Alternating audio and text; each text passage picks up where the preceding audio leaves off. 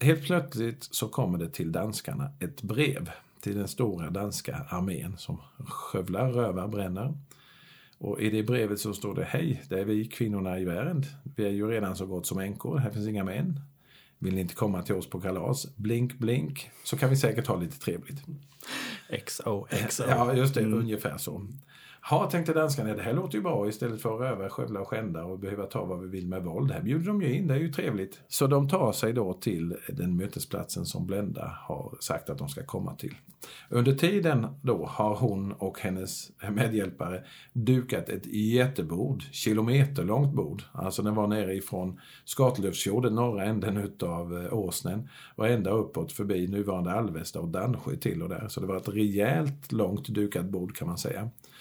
Eh, hon har delat in sin här i tre delar. Hon leder huvudhären och sen så har hon sina medgeneralinnor och de går och gömmer sig. Så när danskarna kommer till platsen så ser de inte en kvinna så långt ögat når, men ett bord. Så de eh, började sätta sig ner, började äta och dricka och dricka och äta. Och de flesta som har varit i Danmark vet hur det kan gå om man äter och dricker för mycket, både danskar och svenskar. Man somnar helt enkelt. Mm, jag tänkte att man kanske sprang ut på en fotbollsplan och klippte till domaren. Nej, nej, nej, nej, det nej. gjorde man inte. Så de somnar helt enkelt. Och då bryter Blenda och hennes medsystrar fram ur skogen i tre stora hopar och slår i princip ihjäl varenda dansk. Och de har ju inga vapen så det är stakar, störar, stänger, yxor. En liten ryttartrupp kommer iväg men den jagar de ifatt och slår ihjäl dem också.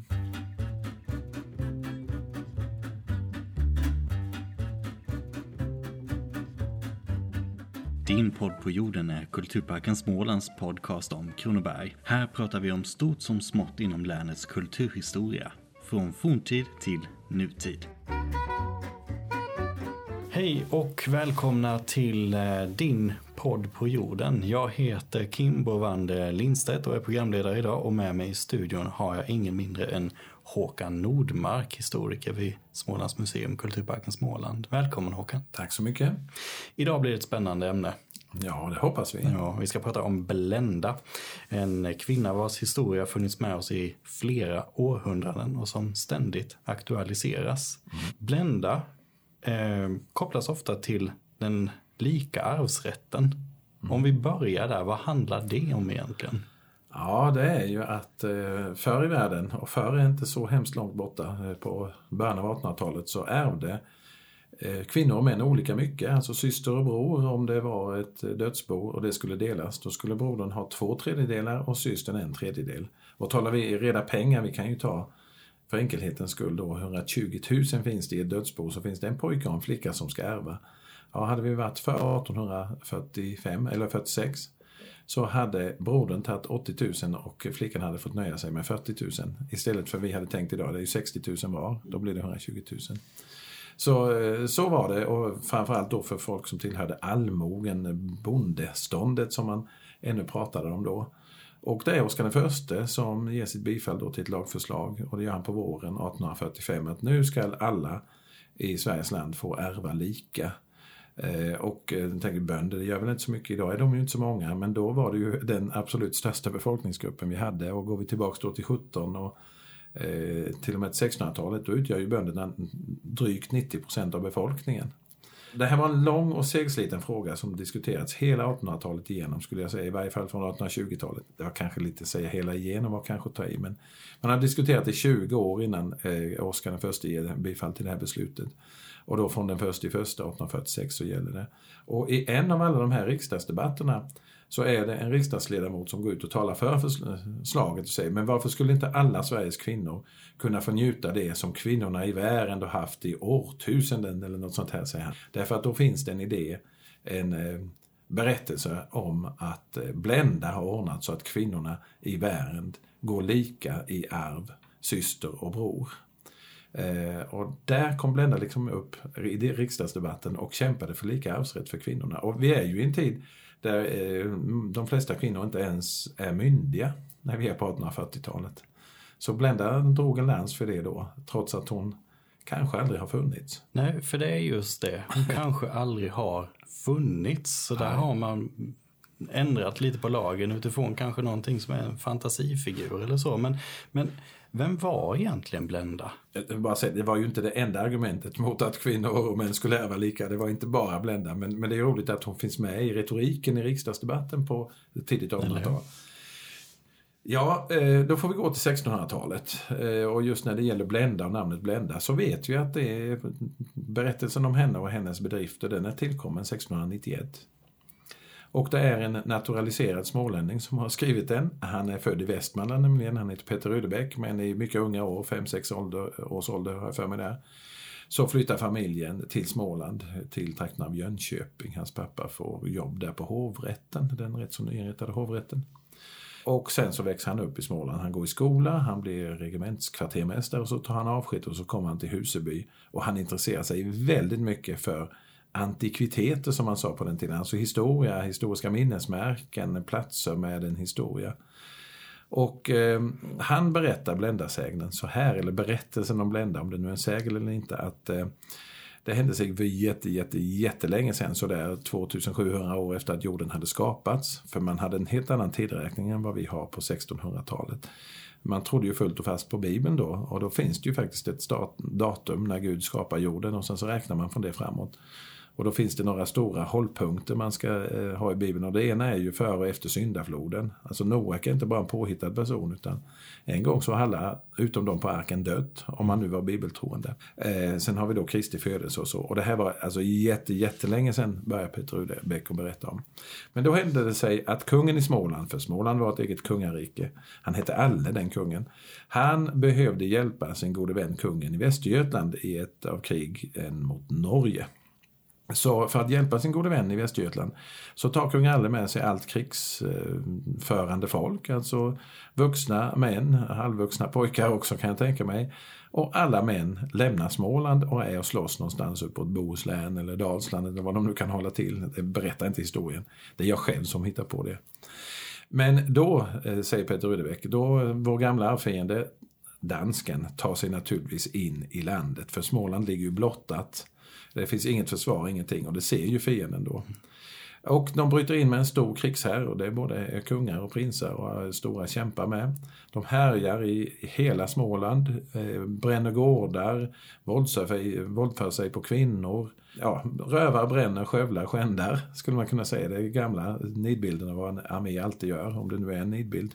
Och eh, alltså landet ligger verkligen och blöder. Människorna blöder bokstavligen och anledningen vad ska vi göra? Och det finns ingen att försvara oss. Och det är då det stiger upp en kvinna ur historiens dunkel. Som Peter Rudebeck uttrycker det, då tog en kvinna från Konga härad, blända vid namn, manligt hjärta till sig. Alltså nu måste det ske något och då får man inte tänka som en kvinna, vi måste tänka som män. Så hon skickar ut budkavel till hela Småland och säger att ja, hej här, jag är Blenda, vi måste eh, rädda vårt eget rike med våra män är borta. Så kom till den hemliga mötesplatsen och möt mig där. Ta med vad ni har av vapen, stakar, störar, stänger, yxor och sådär, för männen tog ju med sig det mesta när de drog iväg. Ta också med mat och öl, alltså vad ni har att bjuda på. Så ska jag avslöja min plan när vi är på hemliga mötesplatsen. Och så kommer det massor med kvinnor. En del vågar ju inte, en del fegar ur. Alltid som vanligt när man kallar någon. Jag har mycket att göra tänkte de eller något så. Men det kommer faktiskt eh, väldigt många kvinnor. Bland dem så ser hon två stycken som hon tycker, ja men de här verkar ju bra. Det blir hennes medgeneralinnor. Som Peter Rudebeck skriver. Alltså, hon, Blenda ska leda huvudherren, men så måste hon ha två handgångna män, skulle vi kunna säga. Men här är det alltså medgeneralinnor. Den ena av dem heter Ramborg för övrigt och det Vesna, eller Visna heter den andra om jag kommer ihåg rätt. Jag har inte allt i huvudet just nu. Men... Det kan man inte alltid Nej, det kan alla gånger. Nej. Nåväl, hon avslöjar sin plan eh, och eh, alla tycker att det här är en underbart fantastisk plan och man sätter den i verket. Eh, helt plötsligt så kommer det till danskarna ett brev till den stora danska armén som skövlar, rövar, bränner. Och i det brevet så står det Hej, det är vi kvinnorna i världen. Vi är ju redan så gott som änkor, här finns inga män. Vill ni inte komma till oss på kalas? Blink, blink. Så kan vi säkert ha lite trevligt. XO, XO. Ja, just det. Mm. Ungefär så. Ja, tänkte danskarna, det här låter ju bra istället för att röva, skövla och skända och behöva ta vad vi vill med våld. Här bjuder de ju in, det är ju trevligt. Mycket lättare. Så de tar sig då till den mötesplatsen som Blenda har sagt att de ska komma till. Under tiden då har hon och hennes medhjälpare dukat ett jättebord, kilometerlångt bord. Alltså den var nere ifrån Skatelövsfjorden, norra änden utav eh, Åsnen och ända uppåt förbi nuvarande Alvesta och Dansjö till och där. Så det var ett rejält långt dukat bord kan man säga. Eh, hon har delat in sin här i tre delar. Hon leder huvudhären och sen så har hon sina medgeneralinnor och de går och gömmer sig. Så när danskarna kommer till platsen så ser de inte en kvinna så långt ögat når, men ett bord, ett festbord och det är ett festbord som aldrig har skådats vare sig förr eller senare i Småland. Där står skummande öl, där är spickekorv, där är salt sill, där är fläsk, korv, alltså allt vad du kan tänka dig. Man tror, har inte sparat på någonting. Jag tror till och med de lät leverpastejen stå framme, men det oh. står ju inte i berättelsen, men jag kan tänka mig det. Nåväl, eh, när danskarna ser det här så blir de först lite besvikna men sen säger de, och det är inte jag nu utan så här står det i berättelsen, att denna mat tjänar oss bättre än käringar. Så, så de tyckte, när, när det väl kom till kritan så var maten viktigare än, än damerna som hade lockat dit dem. Ja, de var hungriga. Ja, så ja. de började, satte sig ner, började äta och dricka och dricka och äta. Och de flesta som har varit i Danmark vet hur det kan gå om man äter och dricker för mycket, både danskar och svenskar. Man somnar helt enkelt. Mm, jag tänkte att man kanske sprang ut på fotbollsplan och klippte till domaren. Nej, nej, nej, nej det nej. gjorde man inte. Så de somnar helt enkelt. Och då bryter Blenda och hennes medsystrar fram ur skogen i tre stora hopar och slår i princip ihjäl varenda dansk. Och de har ju inga vapen så det är stakar, störar, stänger, yxor, hötjugor. Det är väldigt, väldigt bra. En liten ryttartrupp kommer iväg men den jagar de ifatt och slår ihjäl dem också. Och det här, det här är ju en finess, alltså att alla slår oss ihjäl. Eh, det är därför det finns så väldigt lite skrivet om det här i dansk historieskrivning, för det kom ju inte tillbaka någon som kunde berätta om det här. Så det, det är en väldigt bra finess egentligen. Såklart, att såklart. varenda en av dem dör. Men det måste vara ett hjältedåd? Oj, oj, oj. Det här spred sig naturligtvis med ryktet ända upp till Västergötland där krigsfronten var. Kungen i Västergötland och den småländska kungen Alle då fick... Det här är ju fantastiskt. Ja, vi avbryter nu eh, kriget här så går vi ner och belönar kvinnorna. Under tiden har kvinnorna då eh, festat lite på ett berg som ligger i dagens Odensjö. Alltså by, en by i Skatlöfs socken. Och där har de på ett berg festat. De har tvättat sina kläder i viken där och sånt här. Och det där berget heter Blodberget än idag. Det heter Blodviken för det var ju så rött i viken när de tvättade kläderna efter att ha slagit ihjäl varenda dansk. Det är mycket blod i en dansk. Ehm, så där är de och festar och de har ju tagit då danskarnas paradtält och sånt här. De har ju gått och plundrat deras läger sen. Så då Blenda och hennes medsystrar bor ju väldigt ståndsmässigt och fint. För det är inte vad som helst som en dansk prins tar med sig när han är på, på krigsstråt. Utan det är fina tält och grejer. Så eh, de har verkligen fest när kung Alle och den eh, västgötske kungen kom dit. Och Alle som är en god och vis kung säger men detta är ju fantastiskt. Eh, ni ska få en massa privilegier, ni ska få belöningar för det här. Och det första som tas upp det är inte den lika arvsrätten. Utan, inte det? Nej, det är nej. faktiskt att man får lägre skatt på smöret. Man behöver inte ta, betala lika mycket skatt på smör. Och i Småland är smör väldigt viktigt. Det är det man har levt på i årtusenden skulle jag säga. Eftersom Småland är det boskapsrikaste landskapet i Sverige. Eh, men sen får man också då tillåtelse att på sin högtidsdag, det vill säga på bröllopet, eh, gå till kyrkan med för, i full krigsstråt, eh, ståt, med krigsmusik med trummor och trumpeter och skjuta i luften och sånt där. Och tjoa, för det är ju kvinnornas högtidsdag naturligtvis när hon står brud. Eh, eh, man får också tillåtelse att runt kroppen bära en lista, alltså ett brett band som generaler normalt sett har i krig. Så det är liksom generalsfälttecknet blir då en del av kvinnornas klädedräkt enligt den här berättelsen. De får då också lika arvsrätt, alltså i arv skall bror och syster gå lika. Men det här delades då bara ut till de småländska kvinnor som var med och hjälpte till. Och eh, Blenda skickade ut budkavlet till hela Småland men det var bara kvinnorna från fem härader som kom.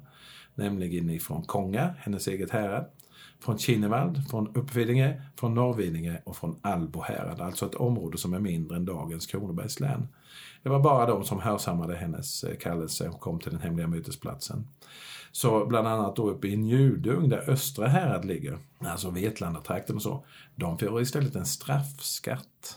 Det blev så istället, de blev inte utan utan Nej, de fick en straff. straffskatt. De får den så kallade springeskatten. Mm, vad är det? Eh, det är ju då för att de sprang iväg och gömde sig.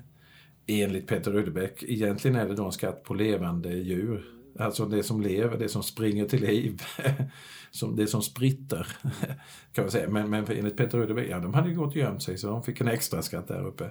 Och mycket riktigt på 1600-talet så tog man ut en särskild skatt på levande boskap just i Njudung, i, i folklandet Njudung. Och eh, de här fem häraderna då som har varit som ett värn för riket, de kommer ju kallas Värns härad eller Värend. Så han förklarar då ortnamnet Värend här också, Peter Rudebeck. Eh, och att han förlägger hela slaget då till den här slagsbanan jag har berättat om. Det menar han att han kan bekräfta genom alla de ortnamn som finns i trakten. Ett av de ställena där hären samlades då, det var ju kvinnor så de hade ju inga skägg. Så den kallas för den skäggelösa hären och det är orten Skäggalösa som ännu finns, rätt så nära mm. eh, Blotberget för övrigt. Mm. Dansjö, ja det var där de slog ihjäl några danskar så att hela sjön var full av blod så den såg röd ut. Det är Dansjö norr om Alvesta. Benestad, ja, efter det här våldsamma eh, slaktningen, slaget, så låg ju eh, danskarnas kroppar där. De hade ju inte tid att begrava dem så det var korpar och hundar och alla möjliga och nafsade och rävar också för den delen. Och där låg ju då benen synliga, så det blev Benestad. För att kunna ta sig fram på slagfältet fick de ju samla undan bråte. Bland annat alla danskars sköldar, de la, i Skölsta. Eh, Kråkebacken, där danskarnas lik strödda som kråkor. Eh, och så vidare. Kanske har Blädinge fått namnet av Blända själv, för Blända var ju från Kongaherren. Och Blädinge ligger faktiskt i Alboherren. Så med hjälp av de här ortnamnen då, och flera, nu har jag inte nämnt allihop, så förklarar Peter Rödebäck att det här det har varit, det är så här det har gått till. Eh, och eh, hela den här berättelsen den skickas till och med till Stockholm och dåvarande kungen 1691, han heter Karl den eh, elfte. Han skrev det här, skrev i ett det här är ju helt fantastiskt och var otroligt, det kände jag inte till. Riktigt så skriver han inte men eh, ungefär så. Och då säger han att ja, men då stadfäster jag det här att, att eh, kvinnorna ska få eh, lika arvsrätt i, i det här området. Har det varit så och de har vunnit det för länge sedan så ska det bli. Nu är det inte riktigt säkert att han hinner göra det men han säger att han ska göra det. Mm. Eh, så det blir till och med kungligt privilegium, eller alltså med kungligt sigill på att så här är det.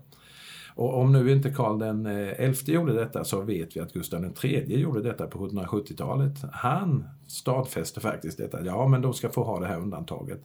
För hela övriga Sverige har ju den här två tredjedelar till brodern, en tredjedel till systern. Men i världen var det då annorlunda. Och eh, Det som sen då också kommer att komma bli på den här listan, generalsbandet kring dem, där får eh, kvinnorna då än idag, vi talar 2020, sitter vi här nu i november, eh, om man tillverkar en ny Värensträkt, alltså folkdräkten i vårt område här, då får man sy på regerande monarks monogram. Så om man syr en Värensträkt idag så får man sy dit Karl XVI Gustavs monogram. Och det kan inte, ja, ja, det var ju trevligt. Nu är det bara det att Karl XVI Gustav är ju inte vem som helst. Han är ju inte en kung med jättemycket makt, men han är vår statschef. Och det emblemet, hans monogram, får man faktiskt inte använda utanför staten. Utom på ett ställe, kvinnorna i vären, där de syr sin värensträkt. Och det, det, är ju helt eh, osannolikt. Man kan jämföra det med Tre Kronor. Det får man inte använda hur som helst heller. Eller riksdagens sigill om man skulle vara det. Är det fortfarande kopplat till kvinnorna i Uppvidinge, i Albo, i de här fem? Ja, för det är ja. de fem herrarna som ja. utgör Vären, det gamla folklandet. Ett av de små landen som utgör Småland. Medan ett av de andra, Njudung jag nämnde, de fick ju straffskatt. Finnveden som ligger längre västut var inte med. Möre var inte med. Inte Sevede, inte Aspeland, inte Tveta och Vista och Tjust och allt vad de heter. Utan det här då i berättelsen är Värend, de som värnade som ett värn mot dansken som har värnat vårt rike. Det är rätt så intressant det där. Jag bodde för många år sedan eh, i Lekaryd. Jaha, som, det ligger har, i Värend. Det ligger i Värend. Och i Lekaryd så finns också sjön Dannsjön. Mm. Och vid ett av mina absolut första möten med mina nya grannar så var det om danskarna som hade stupat och som hade fått ge mm namn åt sjön. Så det, det lever ja. kvar väldigt starkt. Det var nästan innan här grannen sa vad han hette. Ja. och i, kopplat till Dannsjö gård fanns eh, eh på eh, både på 1800 och tidigt 1900-tal, tror jag det fanns kvar, jo det gjorde det, ett eh, bränneri. Eh, alltså Dannsjö bränneri och de tillverkade den fantastiska Bländapunschen Eh, Eh, jag har ännu inte sett någon flaska, någon etikett, men jag misstänker mig att det är en, en kvinna, en sköldmö brukar man ju tala då, en kvinna med svärd och, och eh, en sköld. Eh, sigillet för eh, Vislanda pastorat var Blenda. Då står det Blenda på hennes sköld och så har hon dragit svärd. Så varenda gång kyrkoherden i Vislanda pastorat undertecknade ett brev på 1800-talet och stämplade med Vislanda sigill så var det Blenda på bild. Alltså en kvinna med draget svärd. Ja, det, och det där är ju genom historien och vi pratar ja. fortfarande om, eh, om Blenda. Och hur kommer det sig att hon fortsätter vara aktuell under alla dessa århundraden och genom historien? Det är ju en väldigt bra historia. Det måste man ju säga. Mm, alltså att, att, med hjälp av eh, staka störa stänger och mat kämpa ner en fiendearmé. Ja, öl hjälpte ju till ja. rätt mycket också. De var både dästa men de var lite fulla också. Så det är ju en väldigt bra story, det måste mm. man ju mm. säga. Alltså, det en, alltså hade det här varit en, en, amerikansk historia så hade den ju varit film för länge sedan. Den är ju helt underbar.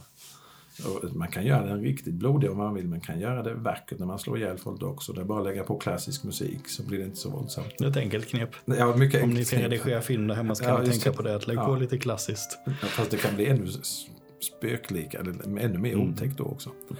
Nåväl, nu kommer vi rätt långt bort från ja. det enda kom vi till Hollywood istället. Men, ja. men det är en bra story och sen så inte minst eh, som en symbol då för eh, kvinnokraft om jag använder det. Jag vill inte använda ordet eh, feminism eller ska vi tala mer Spice Girls-eran så är det väl girl power men, men alltså som ändå som en förebild. Alltså gråt inte, gör något. Mm. alltså det är, eh, och det finns ju en gammal då inom eh, ja, grupp 8 av feminismen när den kom. Att, alltså, klaga inte, stå inte och gå, den gör något. Och Blenda är ju ett exempel på det. Mm. Även om jag inte föreslår nu att alla kvinnor som tycker att livet är jobbigt, ni ska inte gå och slå ihjäl danskar. Det är inte det jag menar. Men det är ändå en, en berättelse att man, man tar saken i egna händer. Mm. Men som jag förstår så har det debatterats fram och tillbaka huruvida historien eh, är sann eller mm. påhittad, mm. ägt rum på riktigt eller inte alls. Eh, den här berättelsen den författades 1691 Ja, Peter Rudebäck. Ja, Peter Rudebäck, ja. Mm. Eh, och sen spreds den ganska snabbt genom sådana här skillingtryck. Ja, skillingtryck och, och eh, som ju är visor. Men även själva berättelsen var med i skillingtrycket. Man berättade om det men sen skrev man då de här visorna. Och så. Det, mm. Om man tittar på småländsk historieskrivning på 1700-talet då vilket jag faktiskt har gjort en gång i min ungdom får vi säga, så är det den, den historia som trycks om flest gånger, som kommer i flest upplagor och kommer på nytt på nytt och hela tiden och byggs på och tas bort. Och, mm. eh, det finns en väldigt roligt skildringstryck, eh, en tryck om den här berättelsen eh, som jag tror är från eh, Sundsvall eller något sånt på 1700, 1789 tror jag det trycks. Och då berättar, återberättas den här historien och sen pläderar författaren för kvinnlig värnplikt. Jaha. Att, eh, så här har kvinnorna gjort förr och mm. vi har sett det på eh, många håll. Och varför Sverige är i krig och vi blir anfallna, varför inte låta kvinnorna vara med? Mm, varför inte? Så eh, han, och nu har vi ju kvinnlig värnplikt igen. Du kallas både män och kvinnor, men det tyckte han redan 1789 vi skulle göra. Och det är ju inte vilket år som helst utan det är ju franska revolutionens år. Mm. Det är därför jag kommer ihåg årtalet när den trycktes. Och jag är nästan säker på att det är i Sundsvall. Mm. Men kan vi, den som vill får kolla upp det, får ringa mig och ställa mig mot väggen. En utmaning där. Ja. Eh, nej men den spreds ju i, i, i de här skillingtrycken och sen var det en herre som heter Olof von Dalin, ja. som tog upp den i, mm. Berättelsen i ett av sina historieverk och då mm. vann den en viss historisk auktoritet. Ja, alltså han tar ju faktiskt in det i sin eh, mm. svenska historia som blir en, en av de första sammanhållna svenska historier och som framförallt blir populär och når ut. Han är ju väldigt eh, duktig, Olof von Dalin. Han är ju alltså, vårdar svenskan, är duktig på att skriva men framförallt så kan han berätta. Mm. Eh, och han tar den här berättelsen och gör den ännu mer populär kan man säga. Tiden har spritts i små skillingtryck och så här men det här blir liksom då nästan stadfäst att det här är sanningen och här kan ni läsa den. Ja, för den, den dyker ju upp i seriös svensk historieforskning då. Men, men eh, hur påverkar det egentligen forskningen när man börjar lyfta upp eventuella berättelser? berättelser. Som Nej, men, eh, så, eh, såg det, så eh, såg historieskrivningen ut helt enkelt. Det var bara det att han lyfte upp just den här berättelsen.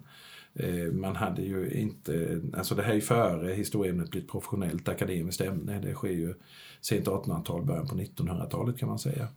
Eh, men Olof von Dalin är ändå en av de första ordentliga som försöker med lite källkritik och försöker liksom diskutera, har det här verkligen hänt? Och Olof von Dalin är den första som i en populärvetenskaplig skrift börjar prata om eh, vattuminskningen, om du känner till vattuminskningen. Känner du till landhöjningen då? Ja, jag får väl säga ja för Ja, att ja. verkar som att jag vet Ja, någonting. Landhöjning, det är ju när inlandsisen har varit och tryckt ner jordskorpan är egentligen lite mjuk. Det tror man ju inte när man gräver potatis på våren, men det är den och har varit nedtryckt av ett kilometertjockt islager. Och så höjer sig landet lite, lite nu när isen smälte för 11 000, ja, 13 000 år sedan är det väl nu för tiden.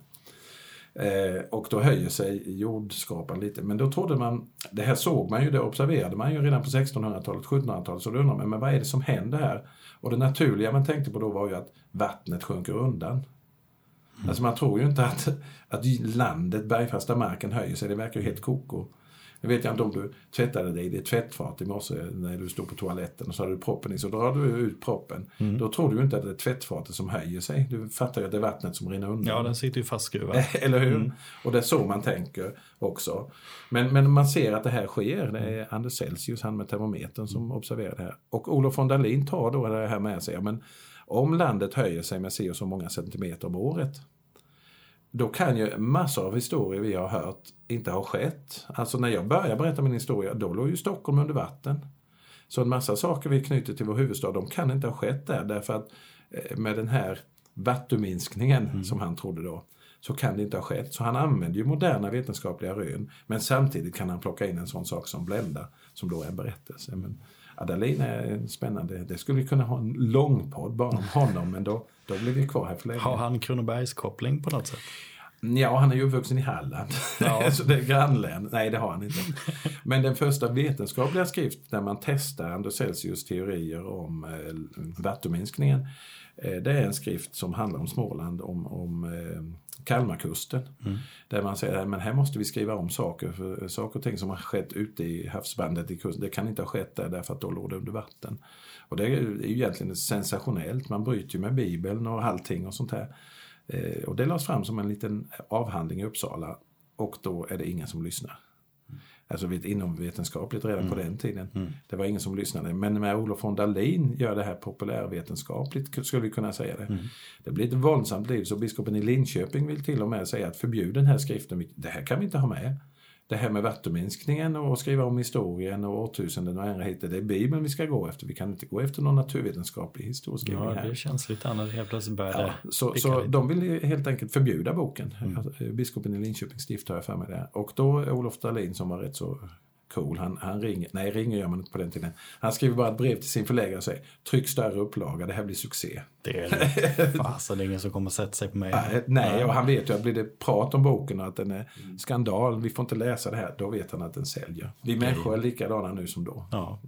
Ja, det är ett som är säkert. Men du kommer ju rätt långt ifrån Blenda, så har hon gjorde vi. funnits eller inte eh, var väl din fråga egentligen. Ja, och egentligen, eh, ehm, ja, det var en del av det. Och sen också vad, som händer egentligen med forskningen när man lyfter upp eh, Ja, just berättelser det. och ger dem en, någon form av eh, auktoritet Ja. i, i forskningen. Ja, vi kan ta det. Alltså, då blev det ju en, en självklar naturlig del, något man inte riktigt kan runda. När levde Blenda och vad gjorde hon och sånt här. Men sen kommer ju då, som jag sa, att historieforskningen blir ett professionellt, modernt, akademiskt ämne. Sent 1800-tal och in på 1900-talet. Eh, Det börjar egentligen i Tyskland, men nu ska vi inte gå in på vetenskapshistoria här. Eh, och då är det en eh, historiker, han utbildar sig bland annat, ja, han läser historia i varje fall i Lund, som heter Weide. Och det är inte PG Weide utan det är hans bror. Och han skriver en artikel om Blenda i eh, vårt museums årsbok i Hylten Cavalliusföreningens årsbok, den som numera heter Kronobergsboken. Och det är en av de allra tidigaste numren på 1920-talet. Den första kom ut 20, jag tror det är årsboken 22 som han skriver en berättelse om Blenda och säger att om vi nu ska tillämpa modern historievetenskaplig eh, eh, forskning på den här berättelsen så måste vi döma ut den helt. Det här har överhuvudtaget inte skett. Och det blir ett våldsamt liv. Det är människor i Hembygdsförbundet som, är det så här den moderna vetenskapen ser ut så då vill jag inte vara med längre ungefär. Så det blir debatt i tidningarna när den här årsboken kommer ut. Eh, Så det, är lite, lite spännande. Så när modern historievetenskap får tag i Blenda, då är det inte nådigt för henne. Dess mer eh, påhittad eller inte, funnits eller inte. Eh, betydelsen av Blenda för den värendska och, och småländska folksjälen, den måste ju ändå vara ganska stor.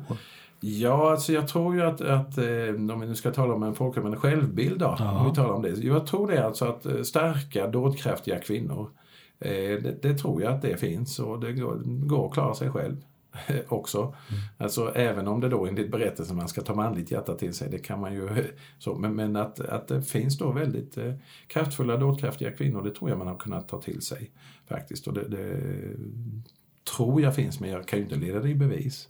Men naturligtvis, berättelsen är ju härifrån, det är ju inte, det är inte kvinnorna i, i Östergötland som har gjort det, eller värmländskorna, eller, eller de i Västernorrland eller så, utan det är ju i Vären, en del av Småland. Och är vi här inne i Småland så kan man ju säga de där mesiga tanterna i Kalmar skulle ju aldrig ha gjort något sånt här. Och vi vet ju att i, i Njudung, de fick ju till och med en straffskatt för de sprang och gömde sig. Eh, och det här, mm, vi kan ju tala historievetenskap men vi kan ju tala populärkultur också. Det framgår ju väldigt tydligt bilden utav eh, männen och kvinnorna i världen i Franske Bengtssons fantastiska roman Röde Orm. När man har tinget vid Krakasten. För då är det, eh, alltså i brytningstid, kristendom, hedendom och de är fortfarande hedningar i världen. Då har de världska kvinnorna som är väldigt kraftfulla och väldigt starka och styr i hemmen enligt Franska Bengtssons berättelse. De har ett eget ting där de träffar bara kvinnorna och beslutar saker och ingen annan får vara med. Och det är de ju smygtittar på då. Och så berättas det också att man driver gärna lite med männen i världen, att de inte är herrar i sina egna hus. Men han har någon formulering, men det är få som har sagt det till dem som fortfarande lever. Så gubbarna blir ju arga när de säger det är tanterna som styr där hemma.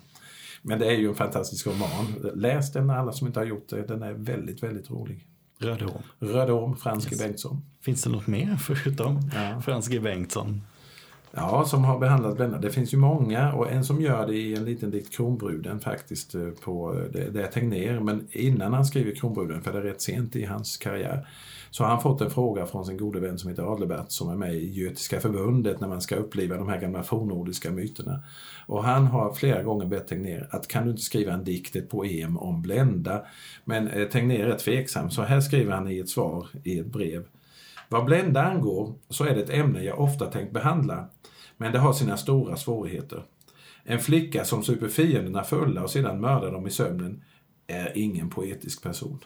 Den här idén om, om Blenda, liksom, hittade Peter Rudbeck helt på det själv eller fanns det någon förebild som han hade spanat in någonstans? Ja, alltså han hade ju en väldigt bra fantasi måste man säga.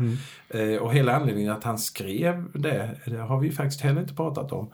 Det var ju att man höll på med en massa lagförslag och lagreformer vid den här tiden. Vi hade fått en kyrkolag som heter 1686 års kyrkolag.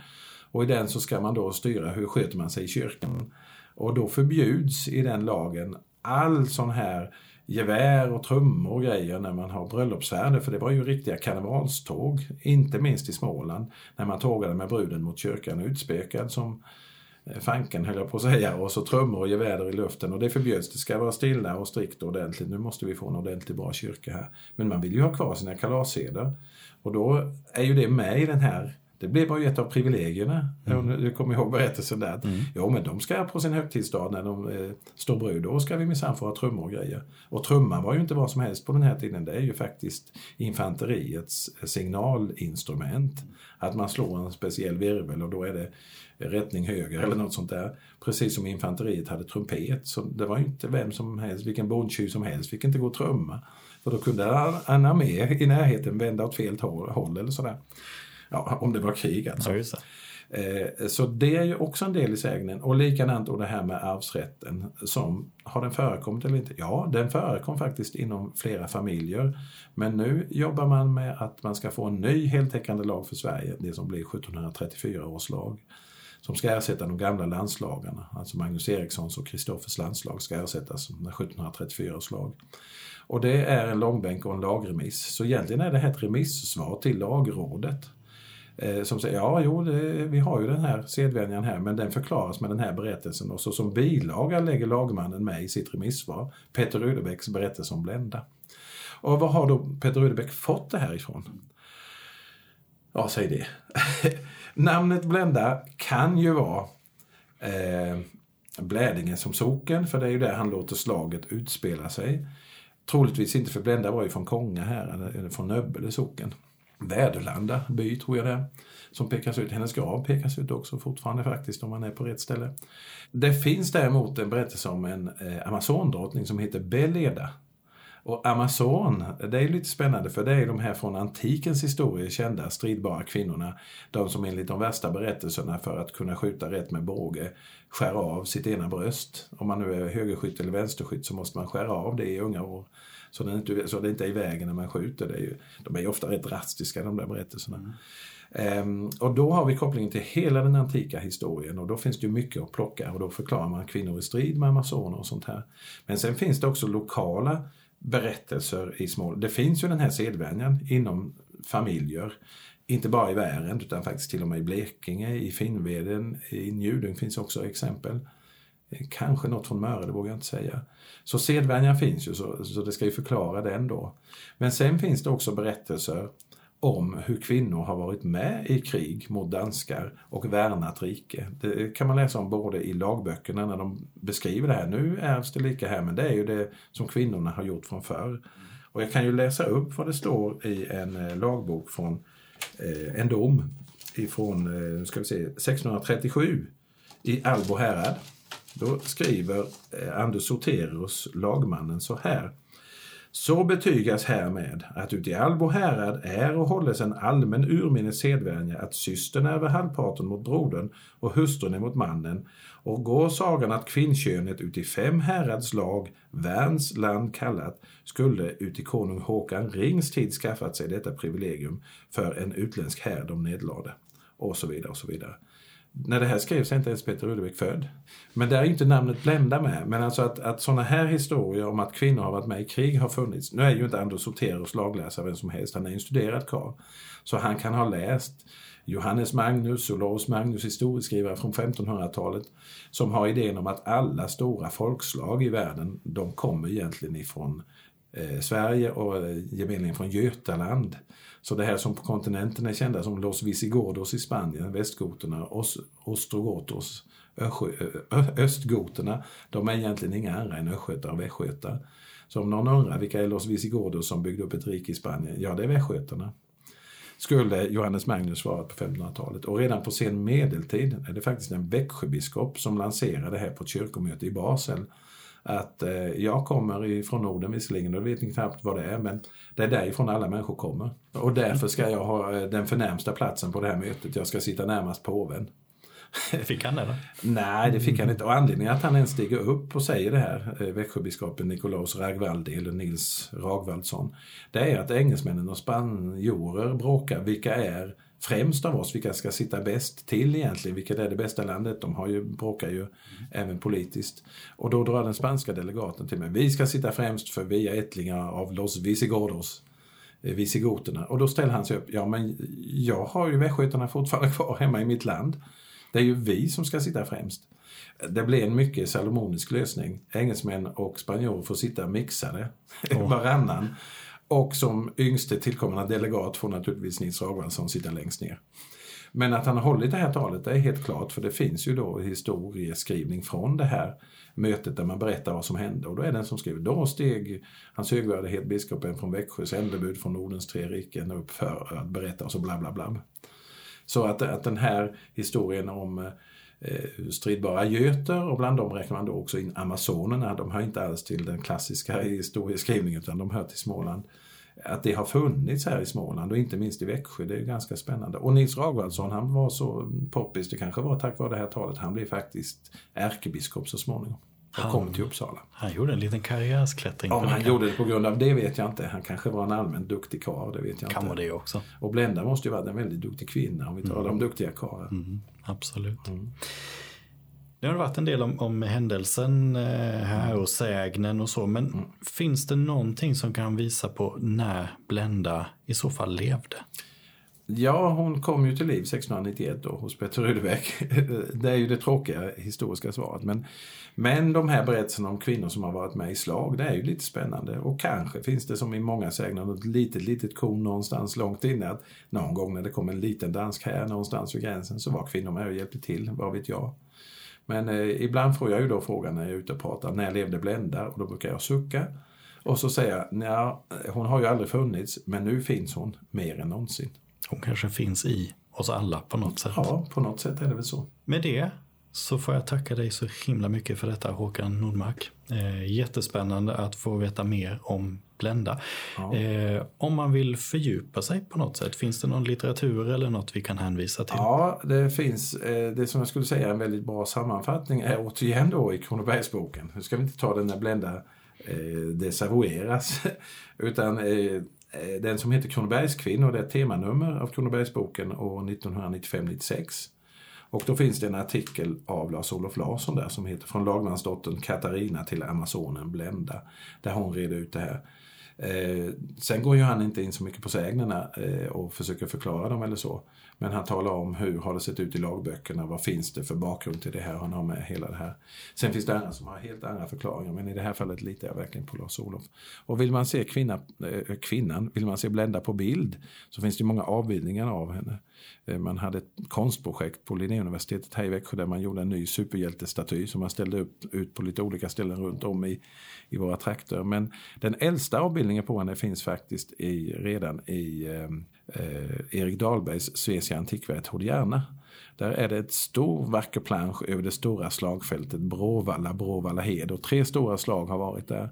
Och eh, det första av dem, det äldsta av dem, det viktigaste av dem kanske, i varje fall om vi får prata med Peter Rudebäck, det är Blenda och hennes kvinnor. Och där kan man se hur kvinnorna med stakar, störar, stänger och sticker ner människor som ligger på marken lite halvlulliga, nyvaknade.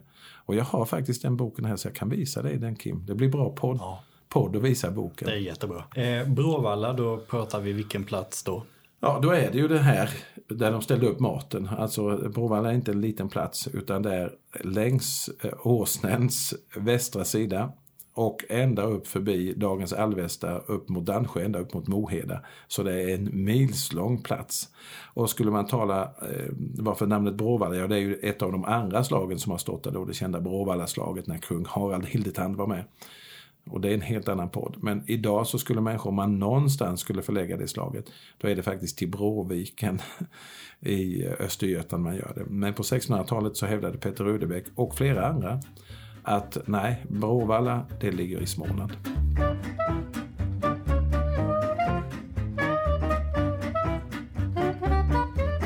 Du har lyssnat på Din podd på jorden.